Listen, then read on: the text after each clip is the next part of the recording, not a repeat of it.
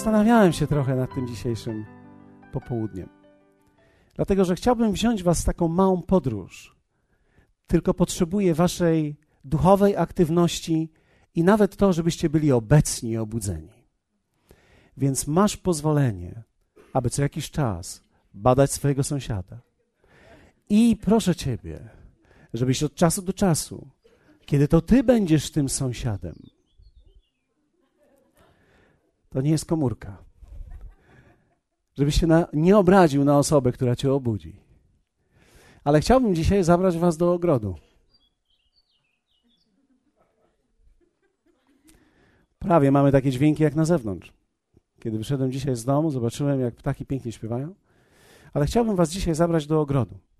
W pierwszej księdze Mojżeszowej, w drugim rozdziale, to jest początek stworzenia, Fragment mówi tak: I wziął Pan Bóg człowieka i osadził go w ogrodzie Eden, aby go uprawiał i strzegł. Cała historia człowieka zaczyna się od ogrodu. Cała historia zaczyna się od ogrodu i w bardzo nieprawdopodobny sposób rozwija się. Ściszcie mi trochę te ptaki, bo nie dam rady. Wiecie, ja kocham ogród, ale nie aż tak. Chyba, że wolimy słuchać ptaki ale może one przemówią do nas. Ja jestem przekonany, że kiedy patrzymy na całe słowo, to możemy rozpoznać, że historia człowieka zaczyna się od ogrodu i tak naprawdę historia człowieka kończy się w ogrodzie. Chciałbym pokazać Ci dzisiaj, że oprócz tego, że historia zaczyna się w ogrodzie i kończy się w ogrodzie, Ty również masz swój ogród i Ty również masz dokładnie tą samą rzeczywistość ogrodu, którą mają ci wszyscy, którzy podąża, podążają za Jezusem. Jak wielu z Was pamięta, że zanim Jezus został ukrzyżowany, poszedł do ogrodu, aby się modlić. Kiedy patrzymy na cały ten fragment ogrodu, zwanego Getsemane, kiedy patrzymy na cały ten tekst, musimy spojrzeć na kilka różnych Ewangelii, i ja ze względu na czas nie będę tak naprawdę wszystkich cytował tych fragmentów, ale chciałbym zachęcić Was, abyście podążali za mną, dlatego że niektóre rzeczy po prostu wybiorę z jednego tekstu i włożę w drugi tekst, także to będzie taka pewna składanka całej tej rzeczywistości, dlatego że niektórzy ewangeliści idą bardziej w niektóre szczegóły, niektórzy pomijają pewne rzeczy, niektórzy dodają imiona, niektórzy nie dodają imion, więc jeśli pozwolicie, zaczniemy czytać z Ewangelii Jana. Jan opisuje to tak. To powiedziawszy, wyszedł Jezus z uczniami swoimi za potok Cedron, gdzie był ogród, do którego wszedł z uczniami swoimi. Ale i Judasz, który go wydał, znał to miejsce, bo Jezus często się tam schodził z uczniami swoimi. Judasz wtedy wziąwszy oddział i sługi arcykapłanów i faryzeuszów, przyszedł tam z latarniami i z pochodniami i z orężem. Jezus zaś, wiedząc wszystko, co nań miało przyjść, wyszedł i zapytał ich, kogo szukacie. A odpowiedzieli mu Jezusa Nazareńskiego. Rzekł do nich Jezus: Ja jestem. A stał z nimi i Judasz, który go wydał. Gdy więc im rzekł: Ja jestem, cofnęli się i padli na ziemię. Gdy ich znowu zapytał, kogo szukacie, a oni odpowiedzieli Jezusa Nazareńskiego, odpowiedział Jezus: Powiedziałem wam, że ja jestem. Jeśli więc mnie szukacie, pozwólcie tym odejść. Aby się wypełniły słowa, które powiedział: Nie utraciłem żadnego z tych, których mi dałeś, Wówczas Szymon Piotr, mający miecz, dobył go i uderzył sługę arcykapłana i wziął i odciął mu prawe ucho. A słudze temu było na imię Malchus. Na to rzekł Jezus do Piotra: Włóż miecz swój do pochwy, czy nie mam pić kielicha, który mi dał ojciec?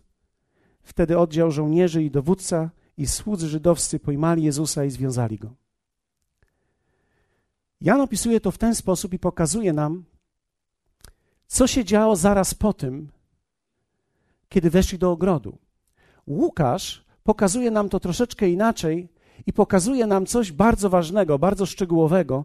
To jest to, że Jezus, zanim te wszystkie wydarzenia dalej miały miejsce, najpierw modlił się. I Łukasz pisze w ten sposób: A sam oddalił się od nich, jakby na rzut kamienia, i patrzy na kolana, modlił się, mówiąc: Ojcze, jeśli chcesz, oddal ode mnie ten kielich. Wszakże nie moja, lecz Twoja wola niech się stanie. A ukazał mu się anioł z nieba, umacniający go. i w śmiertelnym boju jeszcze gorliwie się modlił i był pot jego jak krople krwi spływające na ziemię. Wiecie, człowiek upadł w ogrodzie. Dlatego całe odkupienie rozpoczęło się od ogrodu. Pozwólcie, że powiem wam coś, co jest tajemnicą, tylko nikomu tego nie mówcie. To właśnie w ogrodzie dokonała się największa walka i największe zwycięstwo. Jezus zwyciężył w ogrodzie, dlatego mógł pójść na krzyż. Ale nie mówcie tego nikomu. Gdyby nie ogród i zwycięstwo Jezusa w ogrodzie, nie byłoby krzyża. Jezus zwyciężył w ogrodzie i ty również możesz zwyciężyć w ogrodzie. Żaden krzyż, żadne cierpienie, żadne problemy, żadne rozterki nie będą dla ciebie przeszkodą w życiu, jeśli zwyciężysz w ogrodzie. To właśnie w ogrodzie Jezus zwyciężył nad sobą. Dlatego na krzyżu mógł zwyciężyć nad światem. Stary Testament mówi nam, że człowiek, który jest w stanie opanować samego siebie, jest większy niż ten, który zdobywa całe miasto. Człowiek, który jest w stanie zwyciężyć nad sobą, jest w stanie zwyciężyć nad światem. I Jezus zwyciężył w ogrodzie. I ty możesz zwyciężyć w ogrodzie. Jezus zwyciężył nad sobą. To zwycięstwo, największe zwycięstwo świata, to jest zwycięstwo, którego Adam nie mógł zrobić. Adam w tym miejscu poległ. Poległ w ogrodzie, mówiąc: Moja wola niech się stanie. Jezus w ogrodzie powiedział: Nie moja wola, ale Twoja wola niech się stanie. I w momencie, kiedy poddał siebie, całkowicie zaufał i powierzył siebie jako człowiek. Wiecie, często ludzie mają dylemat, że Jezus był tak naprawdę jakby super człowiekiem. Nie, Jezus był dokładnie człowiekiem. W tym samym momencie był Bogiem, ale nie użył żadnego bóstwa, gdy był tutaj na ziemi. Dlatego też ty i ja możemy go naśladować. I ty również masz swój ogród życia. I dzisiaj pozwól, że cię w tym ogrodzie poprowadzę, abyś mógł ty zwyciężyć nad sobą i abyś w ten sposób mógł zwyciężyć nad całym światem. Dlatego, że wierzę w to, że największe zwycięstwo, jakie każdy człowiek osiąga, to jest dokładnie zwycięstwo nad sobą. Największe zwycięstwo. Historia z Ewangelii Jana i z różnych tych Ewangelii w ogrodzie ma fenomenalny kształt. Zaraz po tym, kiedy Jezus modlił się i wstał, przyszedł Judasz, który go wydał. I słowo mówi, że on znał to miejsce, bo Jezus często się tam schodził. Inaczej mówiąc, Jezus często był na modlitwie w tamtym miejscu. To nie było miejsce nieznane dla Jezusa, to było miejsce znane. Ogród Getsemane było miejsce, w którym on się modlił. Bardzo ciekawą rzeczą jest werset trzeci, mówi tak: Judasz wziąwszy ze sobą oddział. To greckie słowo oddział to jest słowo spira, które, jeśli ktoś z Was troszeczkę poszuka w historii, to jest między 300 a 600 ludzi. 300 do 600 ludzi uzbrojonych. Inne Ewangelie mówią sfora, inne Ewangelie mówią chmara. Wielka liczba. Kiedy patrzymy na greckie w innych miejscach, jest wielka, olbrzymia liczba. To jest niesamowite, że przyszli, aby pojmać mistrza, około 300 do 600 żołnierzy uzbrojonych, aby wziąć jednego człowieka, który nigdy nie nosił miecza. To od razu mówi, że Judasz musiał ich przestrzec, jak wielką mocą dysponuje ten człowiek, że nie jesteście w stanie pójść we trzech i wziąć go. My w kościele mamy służbę pomocy, kiedy ktoś będzie się obruszał, mamy trzech mężczyzn, prawdopodobnie są w stanie go wyprowadzić. Jeśli nie, ja jestem w zapasie. Tymczasem 300 do 600 mężczyzn przyszło uzbrojonych, tych, którzy walczą, którzy są szkoleni, aby pojmać tego, który przez całą swoją służbę mówił o pokoju. Judasz przestrzegł ich, bo wiedział, z kim ma do czynienia. Wyszli tam z latarniami, pochodniami i z orężem. Jezus wiedział, że wszystko to miało się stać. Wyszedł i zapytał, kogo szukacie. To oznacza, że ci, którzy przyszli go pojmać, nigdy go nie widzieli. Nie byli zainteresowani jego służbą, prawdopodobnie byli sami w służbie żołnierskiej, więc nie mogli podążać jak inni ludzie za Jezusem. Więc Judasz musiał wskazać, kto to jest.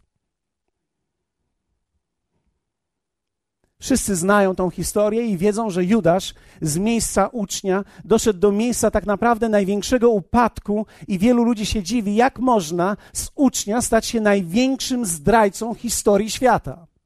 Prawdopodobnie znają go nawet ci, którzy nie są chrześcijanami. To nie jest dobra reputacja. Nawet ci, którzy nie wierzą w Boga, gdy słyszą słowo Judasz, wiedzą o co chodzi. To był ten, który zdradził Pana i zdradził mistrza, zdradził go pocałunkiem.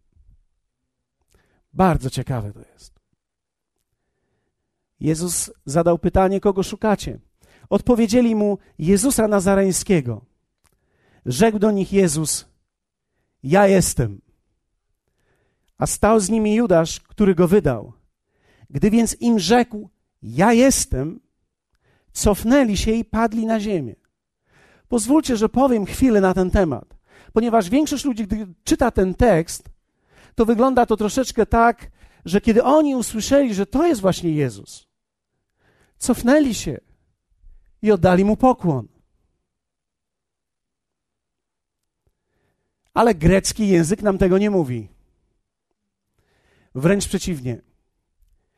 Jezus, kiedy powiedział słowa Ja jestem, gdy zapytali go, gdy on zapytał, kogo szukacie? Jezusa, odpowiedział: Ja jestem użył słów egoemi. Dokładnie te słowa, które są atrybutem Boga, które Bóg powiedział do Mojżesza, kiedy go zapytał, a ko, kogo, kto powiedział, że ty mnie posłałeś? Co mam powiedzieć ludowi? Jakie jest twoje imię? Wtedy Bóg powiedział, powiedz im, ja jestem. Jezus odpowiedział dokładnie tymi samymi słowami, powiedział, ja jestem. Ego emi.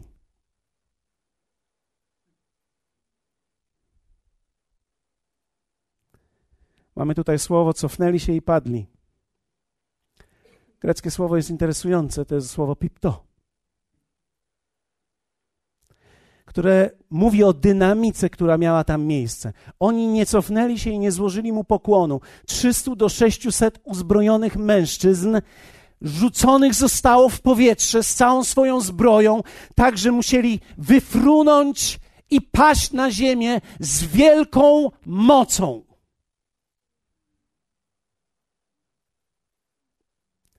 Trzystu do sześciuset mężczyzn zostało tymi słowami rzuconych na ziemię i upadli na nią z wielką mocą i strzaskiem.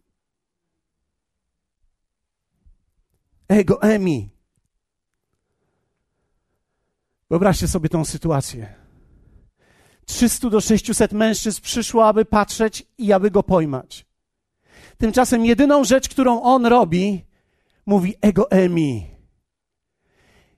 I cały oddział pada pod mocą. Rozrzuceni. W tej całej sytuacji są uczniowie. Kiedy czytamy w innych Ewangeliach, jest powiedziane, że Piotr w tym momencie, kiedy ujrzał tą sytuację, pomyślał sobie: hej, jest okazja. Oni wszyscy leżą. Więc w jednej z Ewangelii czytamy, że wyciągnął miecz jednego z nich i odciął mu ucho. Jak to cudownie, że Piotr był rybakiem że nie był szkolonym żołnierzem. Jak wielu z Was wie i może się domyślać, że Piotr nie celował w ucho.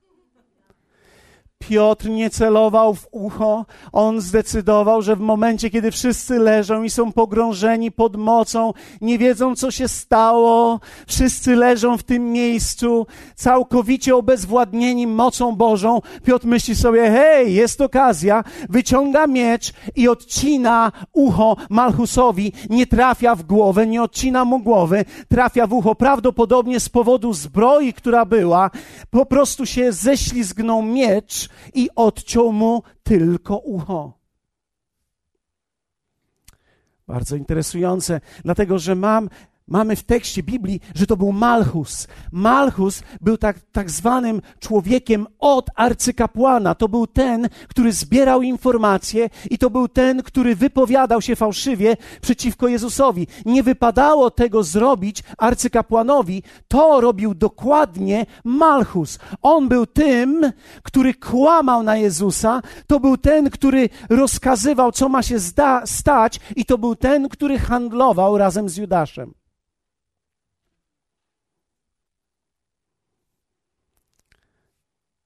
Niesamowite.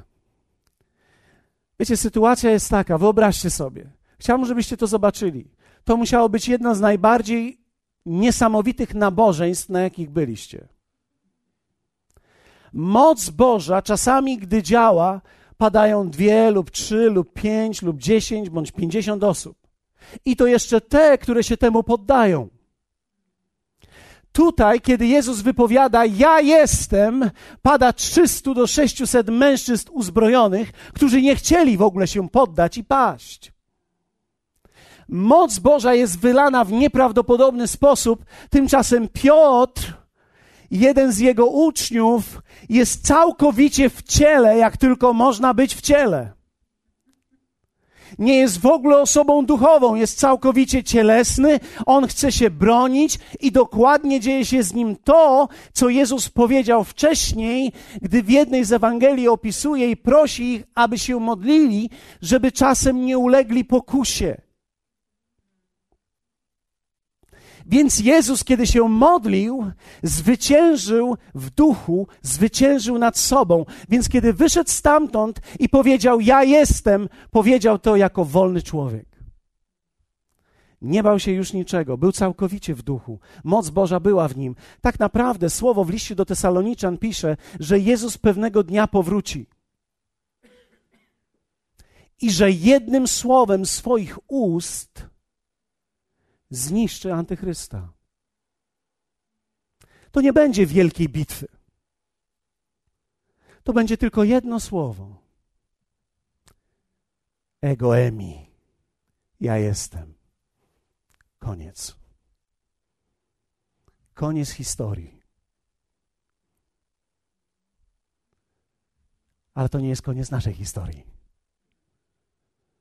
Piotr odcina mu ucho. Tymczasem Jezus, widząc to, podchodzi do Malchusa i uzdrawia go. Tak naprawdę uzdrawia go ze względu na niego, ale również uzdrawia go ze względu na Piotra, gdyż Piotr w tym momencie zrobił coś, za co mógł pójść do więzienia. I teraz wyobraźcie sobie sytuację. Padają wszyscy. Judasz jest zdziwiony. Ucho jest odcięte. Jezus podchodzi, uzdrawia ucho. I oni wszyscy się zbierają. Malchus patrzy i wiecie, ja nie wiem, jak wyglądało to uzdrowienie. Nie wiem, czy ucho było odcięte Jezus wziął to i przykleił je z powrotem, czy też wziął i zrobił nowe a to ucho mu podarował jako zapasowe.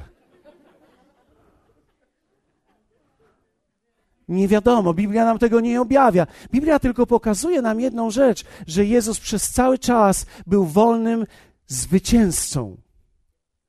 Tymczasem Piotr i uczniowie nie wiedzieli, co mają zrobić ze sobą.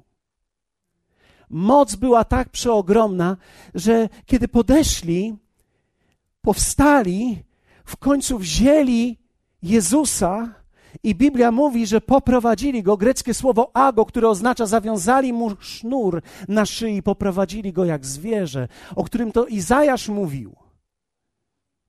że będzie poprowadzony jak baranek. Ale w tym czasie działo się jeszcze coś.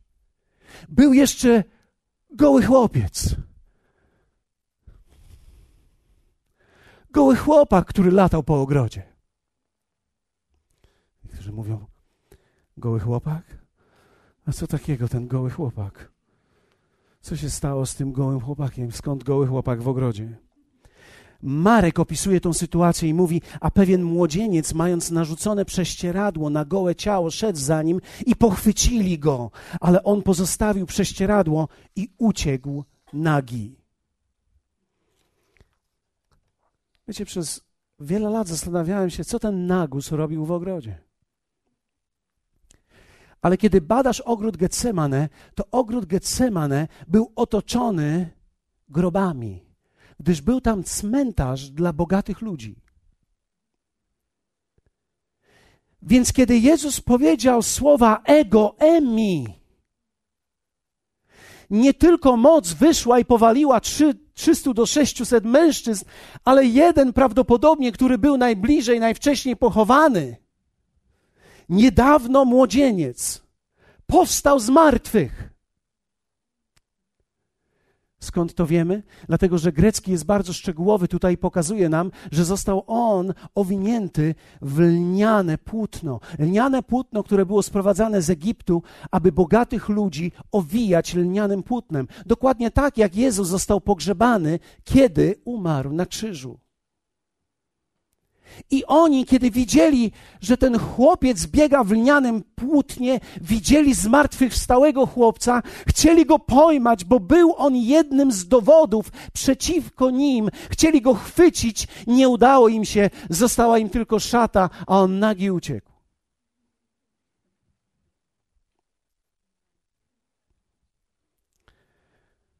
Wiecie, historia ta z ogrodu jest nieprawdopodobna jak człowiek o zdrowych zmysłach w tym momencie może się nie nawrócić.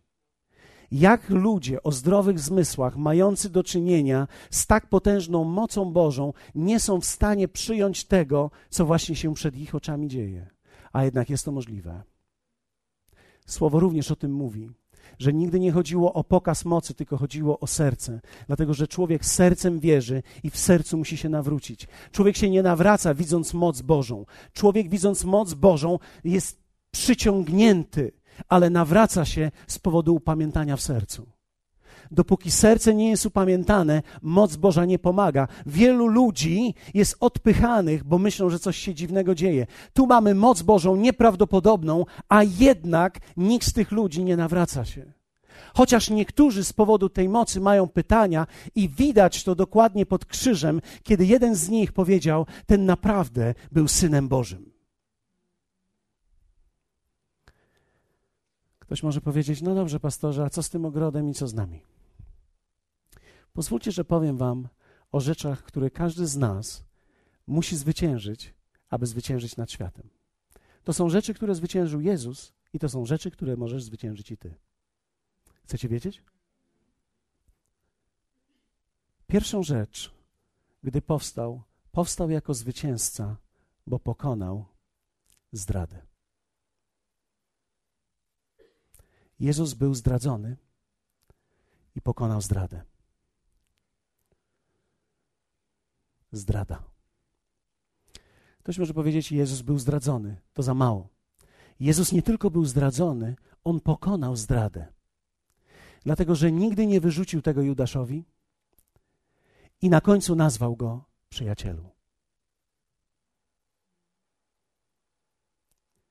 Nigdy w życiu nie zwyciężysz, dopóki nie będziesz w stanie pokonać zdrady innych ludzi względem ciebie i dopóki ty nie upamiętasz się ze swojej własnej zdrady. Ktoś może powiedzieć: hmm, Ja nie jestem zdrajcą. Pozwól, że ci powiem w tajemnicy. Przybliżcie się troszkę. Wszyscy jesteśmy.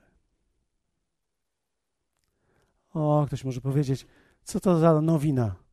Przyszliśmy do kościoła, aby się radować. Poczekaj jeszcze chwilę. Każdy człowiek ma potencjał zdrady. On jest w ciele naszym i w cielesności każdego z nas. Każdy człowiek ma w sobie to. Zdradą jest mówić komuś coś, co zostało powiedziane tylko tobie. I Jezus powiedział arcykapłanom szczegóły z życia Jezusa. Prawdopodobnie ty, jeśli będziesz tak naprawdę myślał chwilę o sobie, to prawdopodobnie również zdradziłeś tajemnicę kogoś, które były powiedziane tylko tobie. Ktoś może powiedzieć, ale nie rób ze mnie Judasza. Nie, nie robię. Ale będziesz musiał zobaczyć, że my wszyscy potrzebujemy uleczyć się z tego i że potrzebujemy być zdrowi na tyle, aby przebaczyć tym, którzy nas zdradzają. Dlatego, że jeśli do tej pory nie byłeś zdradzony, to poczekaj chwilę. To przyjdzie do ciebie również. Ktoś może powiedzieć, to jest niemożliwe. Jak przyjdzie do mnie zdrada, to koniec. Skończę z tymi, którzy mnie zdradzili. Jezus zrobił inaczej. Jezus zwyciężył nad zdradą. Judasz zdradził, bo był zwiedziony. Wiecie, zdrada nigdy nie przychodzi tak szybko. Ona przychodzi najpierw przez zwiedzenie. I Judasz został zwiedziony. Widzisz, ktoś może powiedzieć, może diabeł potrafił zwieść Judasza, ale na pewno nie będzie potrafił zwieść mnie. Tego nie wiesz. Pomyślcie przez chwilę. Diabeł był w stanie zwieść jedną trzecią aniołów. Jak jest możliwe, żeby tych, którzy przez miliony czy też miliardy lat uwielbiali Boga i widzieli w nim samo dobro, potrafili ulec pokusie kogoś z boku, że coś z Bogiem jest nie tak. Jedna trzecia aniołów została zwiedziona i jeden anioł był w stanie powiedzieć, a oni uwierzyli, że coś z Bogiem jest nie tak. Wow. Ktoś może powiedzieć, jak zwiedzenie wchodzi w takim razie do życia człowieka? Ono jest umieszczone w tobie, dopóki nie rozprawisz się z nim. I będzie w tobie jako grunt podatny. I będzie czekało, aż będziesz zraniony. Dlatego jest tak ważne, abyśmy uważali, na co i kogo słuchamy. Dlatego, że ziarno, które dzisiaj w tobie nie wydaje żadnego owocu, jeśli będziesz zraniony, ziarno znajdzie miejsce, żeby wejść i wyda owoc. Wszystko jest dobrze, dopóki człowiek nie jest zraniony. Kiedy człowiek jest zraniony, a nie jest wolny i nie zwyciężył nad sobą, będzie zwiedziony.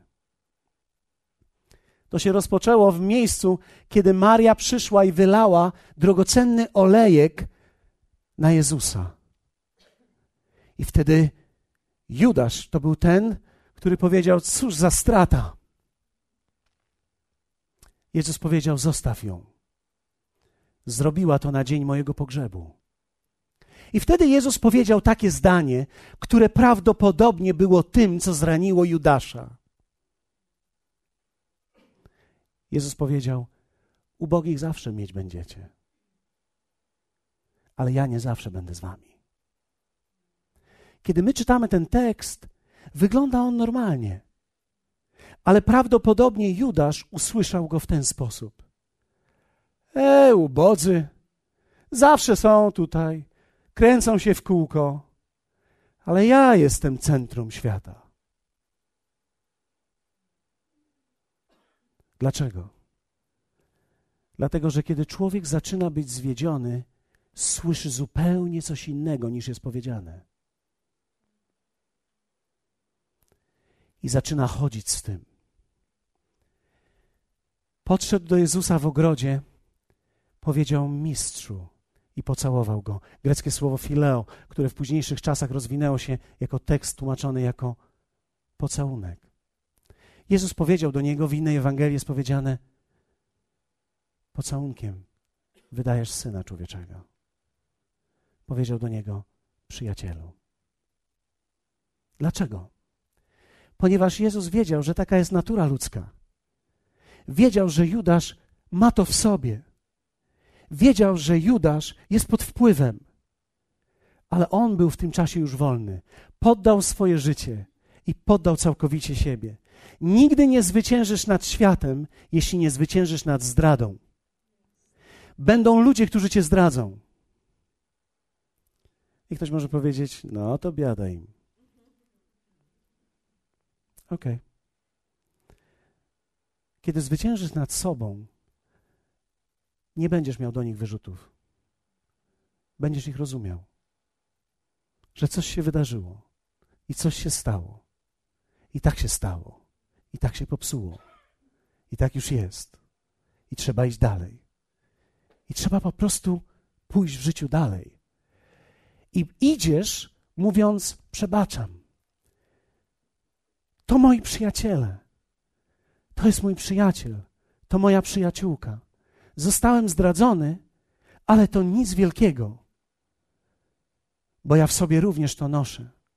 I muszę pracować nad sobą, żeby nie być zdrajcą, bo jest we mnie zdrada. I to jest tylko kwestia czasu.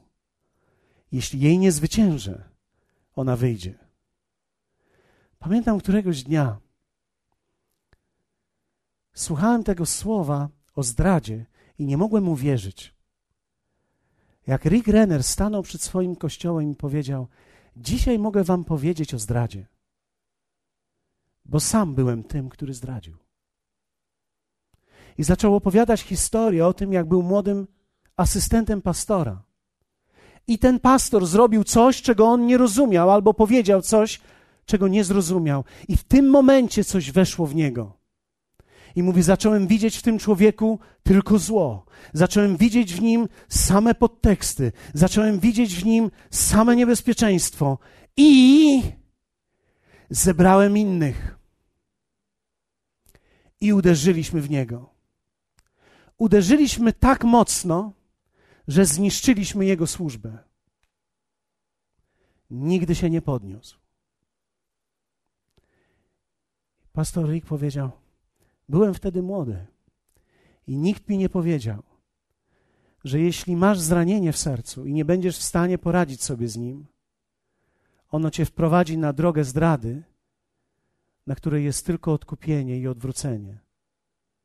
Ale jeśli się nie upamiętasz, będziesz to robił ciągle i ciągle i ciągle i ciągle. Wow. Wiecie, my mamy życie. To był przykład kościoła, ale mamy przyjaciół męża, żonę. Wszyscy ludzie są zdradzeni i zranieni w jakimś momencie życia. I w Twoim ogrodzie, gdzie jest Twój ogród? Tam, gdzie Ty go wybierzesz, tam, gdzie Ty regularnie chodzisz, tam, gdzie jest Twój kamień, tam, gdzie jest miejsce, w którym Ty się zmagasz, tam, gdzie jest miejsce, w którym Ty w ciszy negocjujesz ze sobą i z Bogiem ten konflikt, który powstał w Tobie. To jest dokładnie to miejsce. I w tym miejscu musisz uwolnić się i powiedzieć: Ojcze, ja poddaję swoje życie całkowicie. Uwalniam tych ludzi, uwalniam siebie i całkowicie jestem wolny. I wtedy wychodzisz i zwyciężyłeś. Drugie. Jezus zwyciężył tam względem fałszywych oskarżeń. Pamiętacie tego? Malchusa, któremu odcięto ucho? Piotr, kiedy mu odciął ucho, Jezus, który stał z boku, mógł pomyśleć: Wow, w końcu dopadło go to, co bardzo chętnie sam bym zrobił, gdybym mógł. Ten, który uderzał we mnie przez cały czas i cały czas próbował mnie zabić, w końcu leży i jest zraniony. Żałuję, Piotrze, że nie trafiłeś. No ale cóż. Tymczasem Jezus stoi tam i mimo fałszywych oskarżeń tego człowieka podchodzi do niego, kładzie ręce na niego i uzdrawia go. Niesamowite. Niesamowite.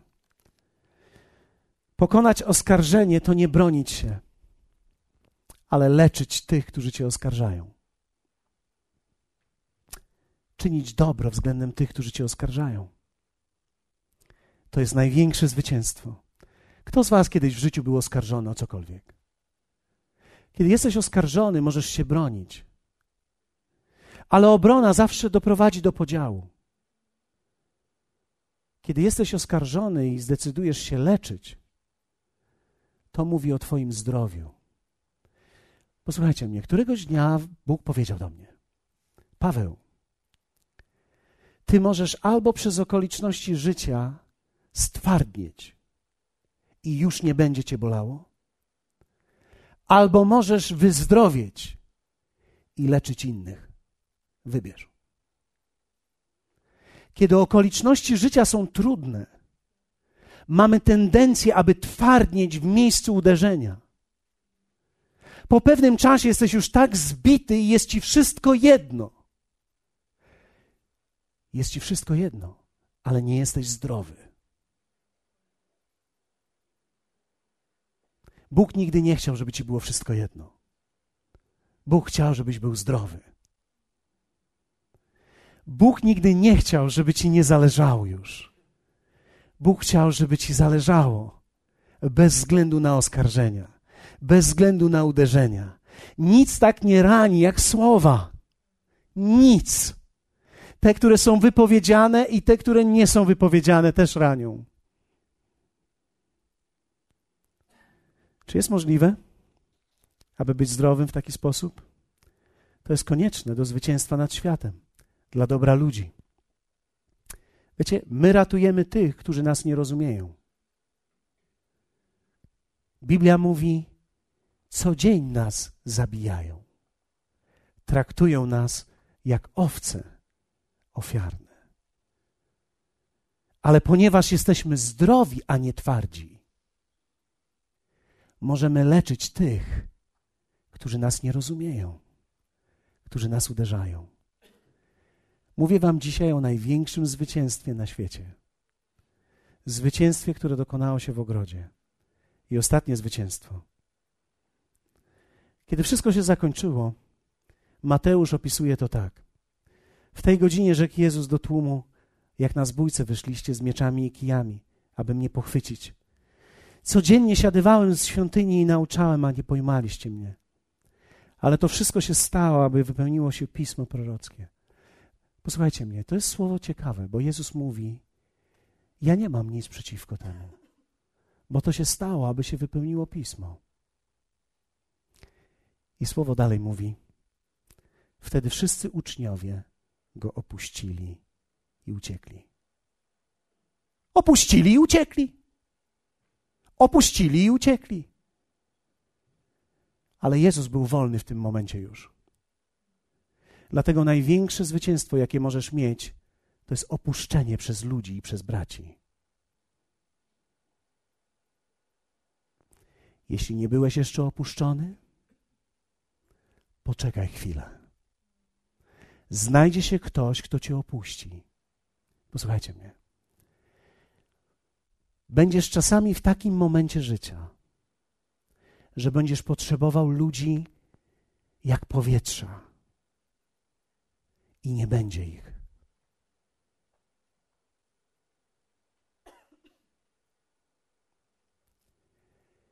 I wtedy będziesz myślał, że to już jest koniec. Ale nic się nie skończyło. Bo ty myślałeś, że ludzi potrzebowałeś.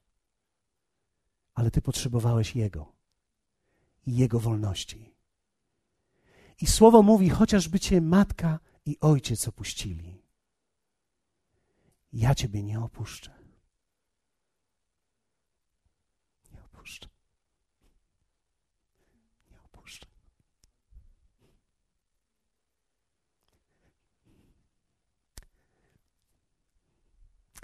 Piękno tego jest takie, że kiedy Jezus zmartwychwstał, nie wparował do nich i nie powiedział: No, chłopy, no teraz to musimy pogadać. Trzy lata was utrzymywałem. Uzdrowiłem nawet twoją teściową. Co jest ekstra bonusem. Dbałem o was. Nie brakowało wam niczego. Gdzie wy byliście? Nigdy. Nigdy. Nigdy. Nigdy. nigdy nie wspomniał nawet słowem, że ich nie było.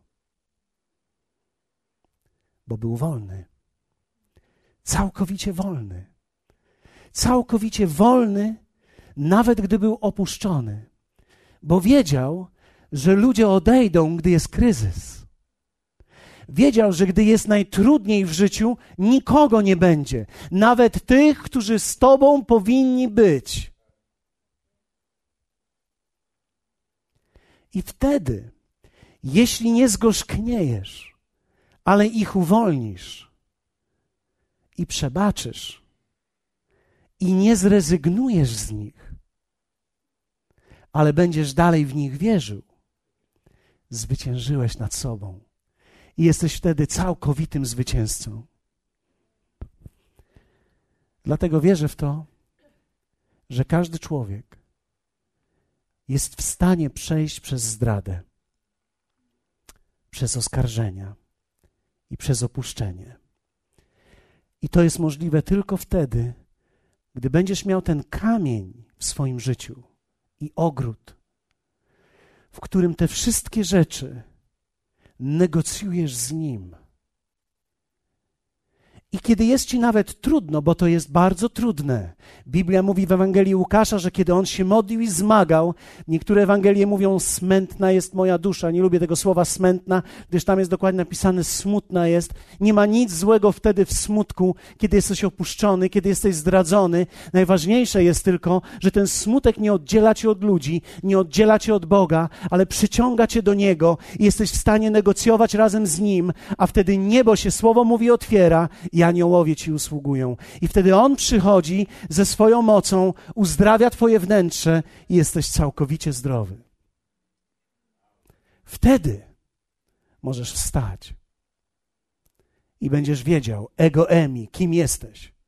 I będziesz dokładnie wiedział, że kiedy cię oskarżają, będziesz ich uzdrawiał, a kiedy cię opuszczą, pewnego dnia znajdziesz ich i powiesz im: Dalej na Was liczę. I możecie to zrobić, do czego Was powołałem.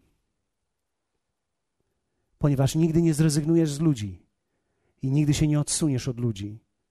Odsunięcie się i rezygnacja jest sygnałem choroby. Pomyślcie, jak będzie wyglądał Kościół, gdy wszyscy będziemy tacy zdrowi. Biblia mówi, że Jezus powiedział takie słowa: Wtedy wszyscy poznają, że jesteście uczniami moimi, bo miłość wzajemną mieć będziecie. Ale to nie jest miłość pod tytułem, pamiętam jak na oazie to robiliśmy. Dobrze, że jesteś, dobrze, że jesteś. I myśmy się tego uczyli, to były nasze początki.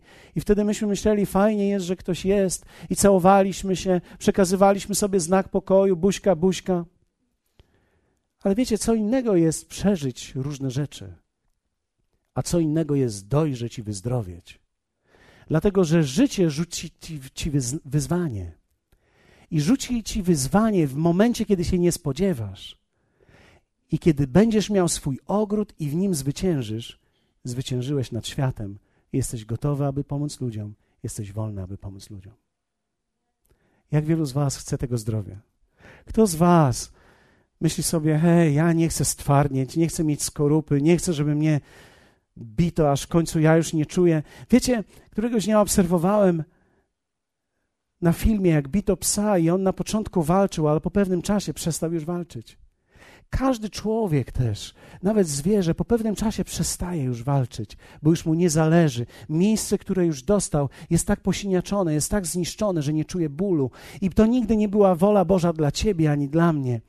Bożą wolą było to, abyś był uzdrowiony i abyś był wolny. Dzisiaj chciałbym, żebyśmy stanęli w tym ogrodzie naszym. Dziękuję Oli Skrzyckiej, że zrobiła z grupą tutaj swoich, zaciągnęła innych i zrobiła ogród. Taki symbol naszego ogrodu. I chciałbym zachęcić Was do tego zwycięstwa. Wiem, że dzisiaj nie może się wszystko wydarzyć. To jest niemożliwe, aby na spotkaniu wydarzyło się wszystko.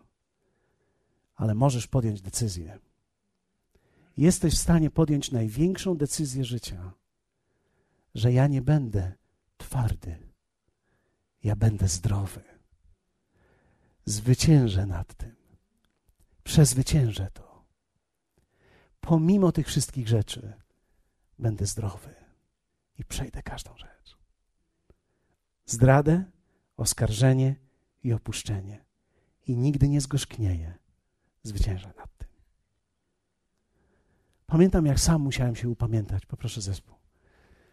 Pewnego dnia,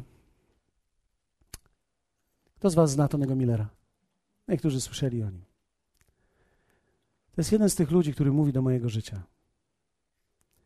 Pamiętam pewnego dnia, ktoś powiedział na mnie, do, do niego.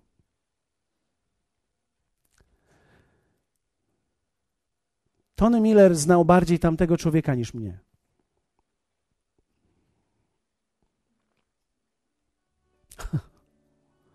Nie wiem, czy mam to powiedzieć, ale powiem to. Okay.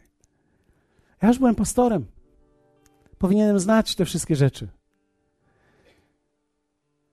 Więc Tony Miller wziął mnie któregoś dnia i przez dwie godziny mi, jeszcze Dwayne był w to zamieszany, mi, Dwayne'owi dał wycisk. Dwayne jakoś próbował się tłumaczyć. Ja nie wiedziałem, co mam zrobić. Dostawałem.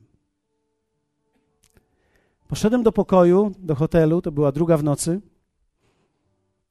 Położyłem się i pomyślałem sobie, a ja jemu zaufałem. Wystarczyło tylko, że jeden człowiek skłamał na mój temat. Może nawet nie skłamał, tylko przekombinował.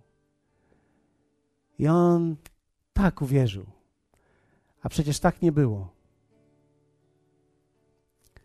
Pojechałem wtedy do Czaka Palama, drugiego mojego przyjaciela. Usiadłem razem z nim i dowiedziałem się, że Tony Miller spóźnił się na ślub jego córki. Wiecie, można się spóźnić na różne rzeczy, ale nie na ślub. Ja mówię, ile się spóźnił? Jeden dzień. Inaczej mówiąc, przyjechał po. Usiadłem wtedy z czakiem i pomyślałem sobie, o, znalazłem kogoś, kto też został zraniony przez Tonego Millera. Powiedziałem mu, wiesz co, ja cię rozumiem doskonale. Znam tego człowieka. Wiem, co czujesz teraz. I Czak tak siedział i mówi, no, same problemy. Dwayne zadzwonił do nas i mówi, chłopaki, jak się trzymacie? Ja mówię, no widzisz, jak się trzymamy, no. I zaczęliśmy być, chciałoby się powiedzieć, było nas trzech. W każdym z nas inna krew. I zaczęliśmy rozmawiać. I zaczęliśmy dyskutować o naszych zranieniach. Zacząłem wyolbrzymiać te wszystkie rzeczy, które mnie spotkały wcześniej. I sam wszedłem na drogę zdrady. Stanęliśmy wtedy, pojechaliśmy na konferencję stamtąd. Tony Miller głosił, a myśmy siedzieli już tak.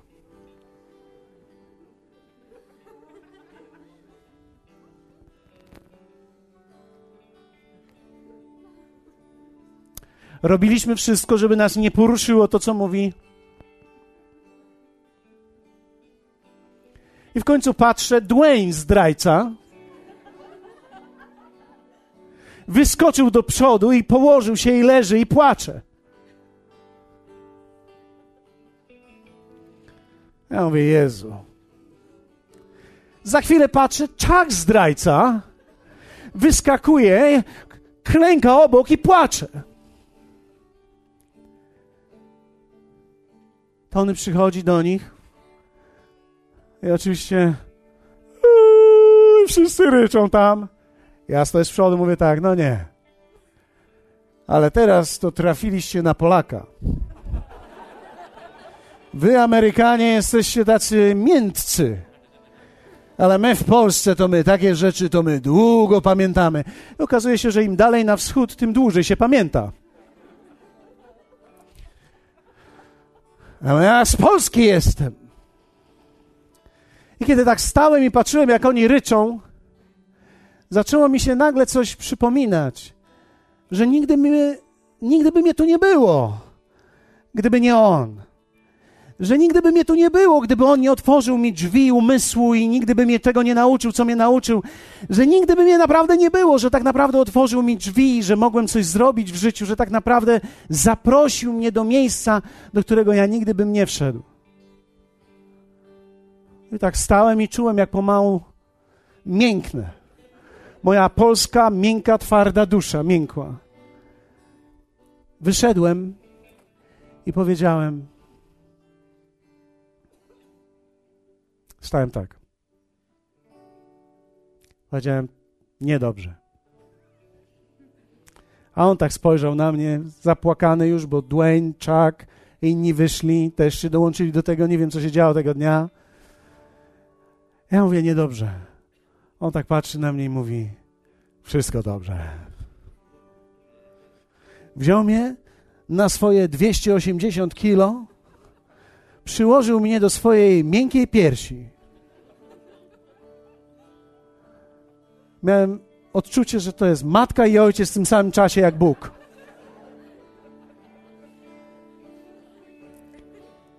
I zacząłem szlochać. I prosiłem wtedy Boga, aby usunął to ze mnie. Bo wiedziałem, że jeśli nie będę w stanie kontrolować tego w moim ogrodzie, nigdy nie pójdę dalej. Zawsze będę zdrajcą. Tylko się okaże później kiedy. Na końcu podszedłem do Czaka i powiedziałem: Niedobrze było. Musimy to skończyć. Czak mówi: No jasne, Paweł. Dwayne mówi: No, piątka, no, chłopaki, trzymamy się dalej. I Dwayne mówi: Hej, Paweł, idziemy teraz do tego, który nas zdradził do Tonego. Ja mówię: Do tego myślisz? Idziemy, on pewnie to zrobił i nie wiedział, co robi. Ja mówię: Ja wiem, że on wiedział, co robi. Nie wiedział. I kiedy się tak dobrze zastanowisz, to ludzie nie wiedzą, że cię tak bardzo ranią, nawet gdy cię ranią i nawet gdy z taką premedytacją. Ty myślisz, że wszyscy są przeciwko mnie. Tak, są, ale nie wiedzą. Jezus to powiedział: Ojcze, wybacz im, bo nie wiedzą, dlaczego to czynią. Jezus był wolny, nie tylko w ogrodzie, ale na krzyżu. Był cały czas wolny, bo zwyciężył nad sobą i dzisiaj woła Ciebie, abyś Ty zwyciężył nad sobą, bo kiedy Ty zwyciężysz nad sobą, będziesz w stanie pomóc wielu ludziom. Powstańmy razem, znieśmy nasze ręce do Pana i powiedz Mu, Panie, ulecz mnie. To jest mój ogród. To jest moje życie. Ja chcę być wolny. Ja chcę uwalniać ludzi. W cichości swojego serca powiedz: Duchu Święty, pokaż mi miejsca moich zranień i uzdrów mnie. Chcę być wolny. wolny. Hallelujah.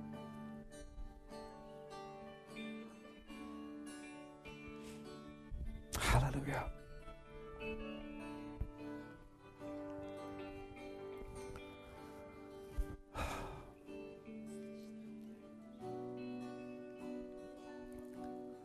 Hallelujah.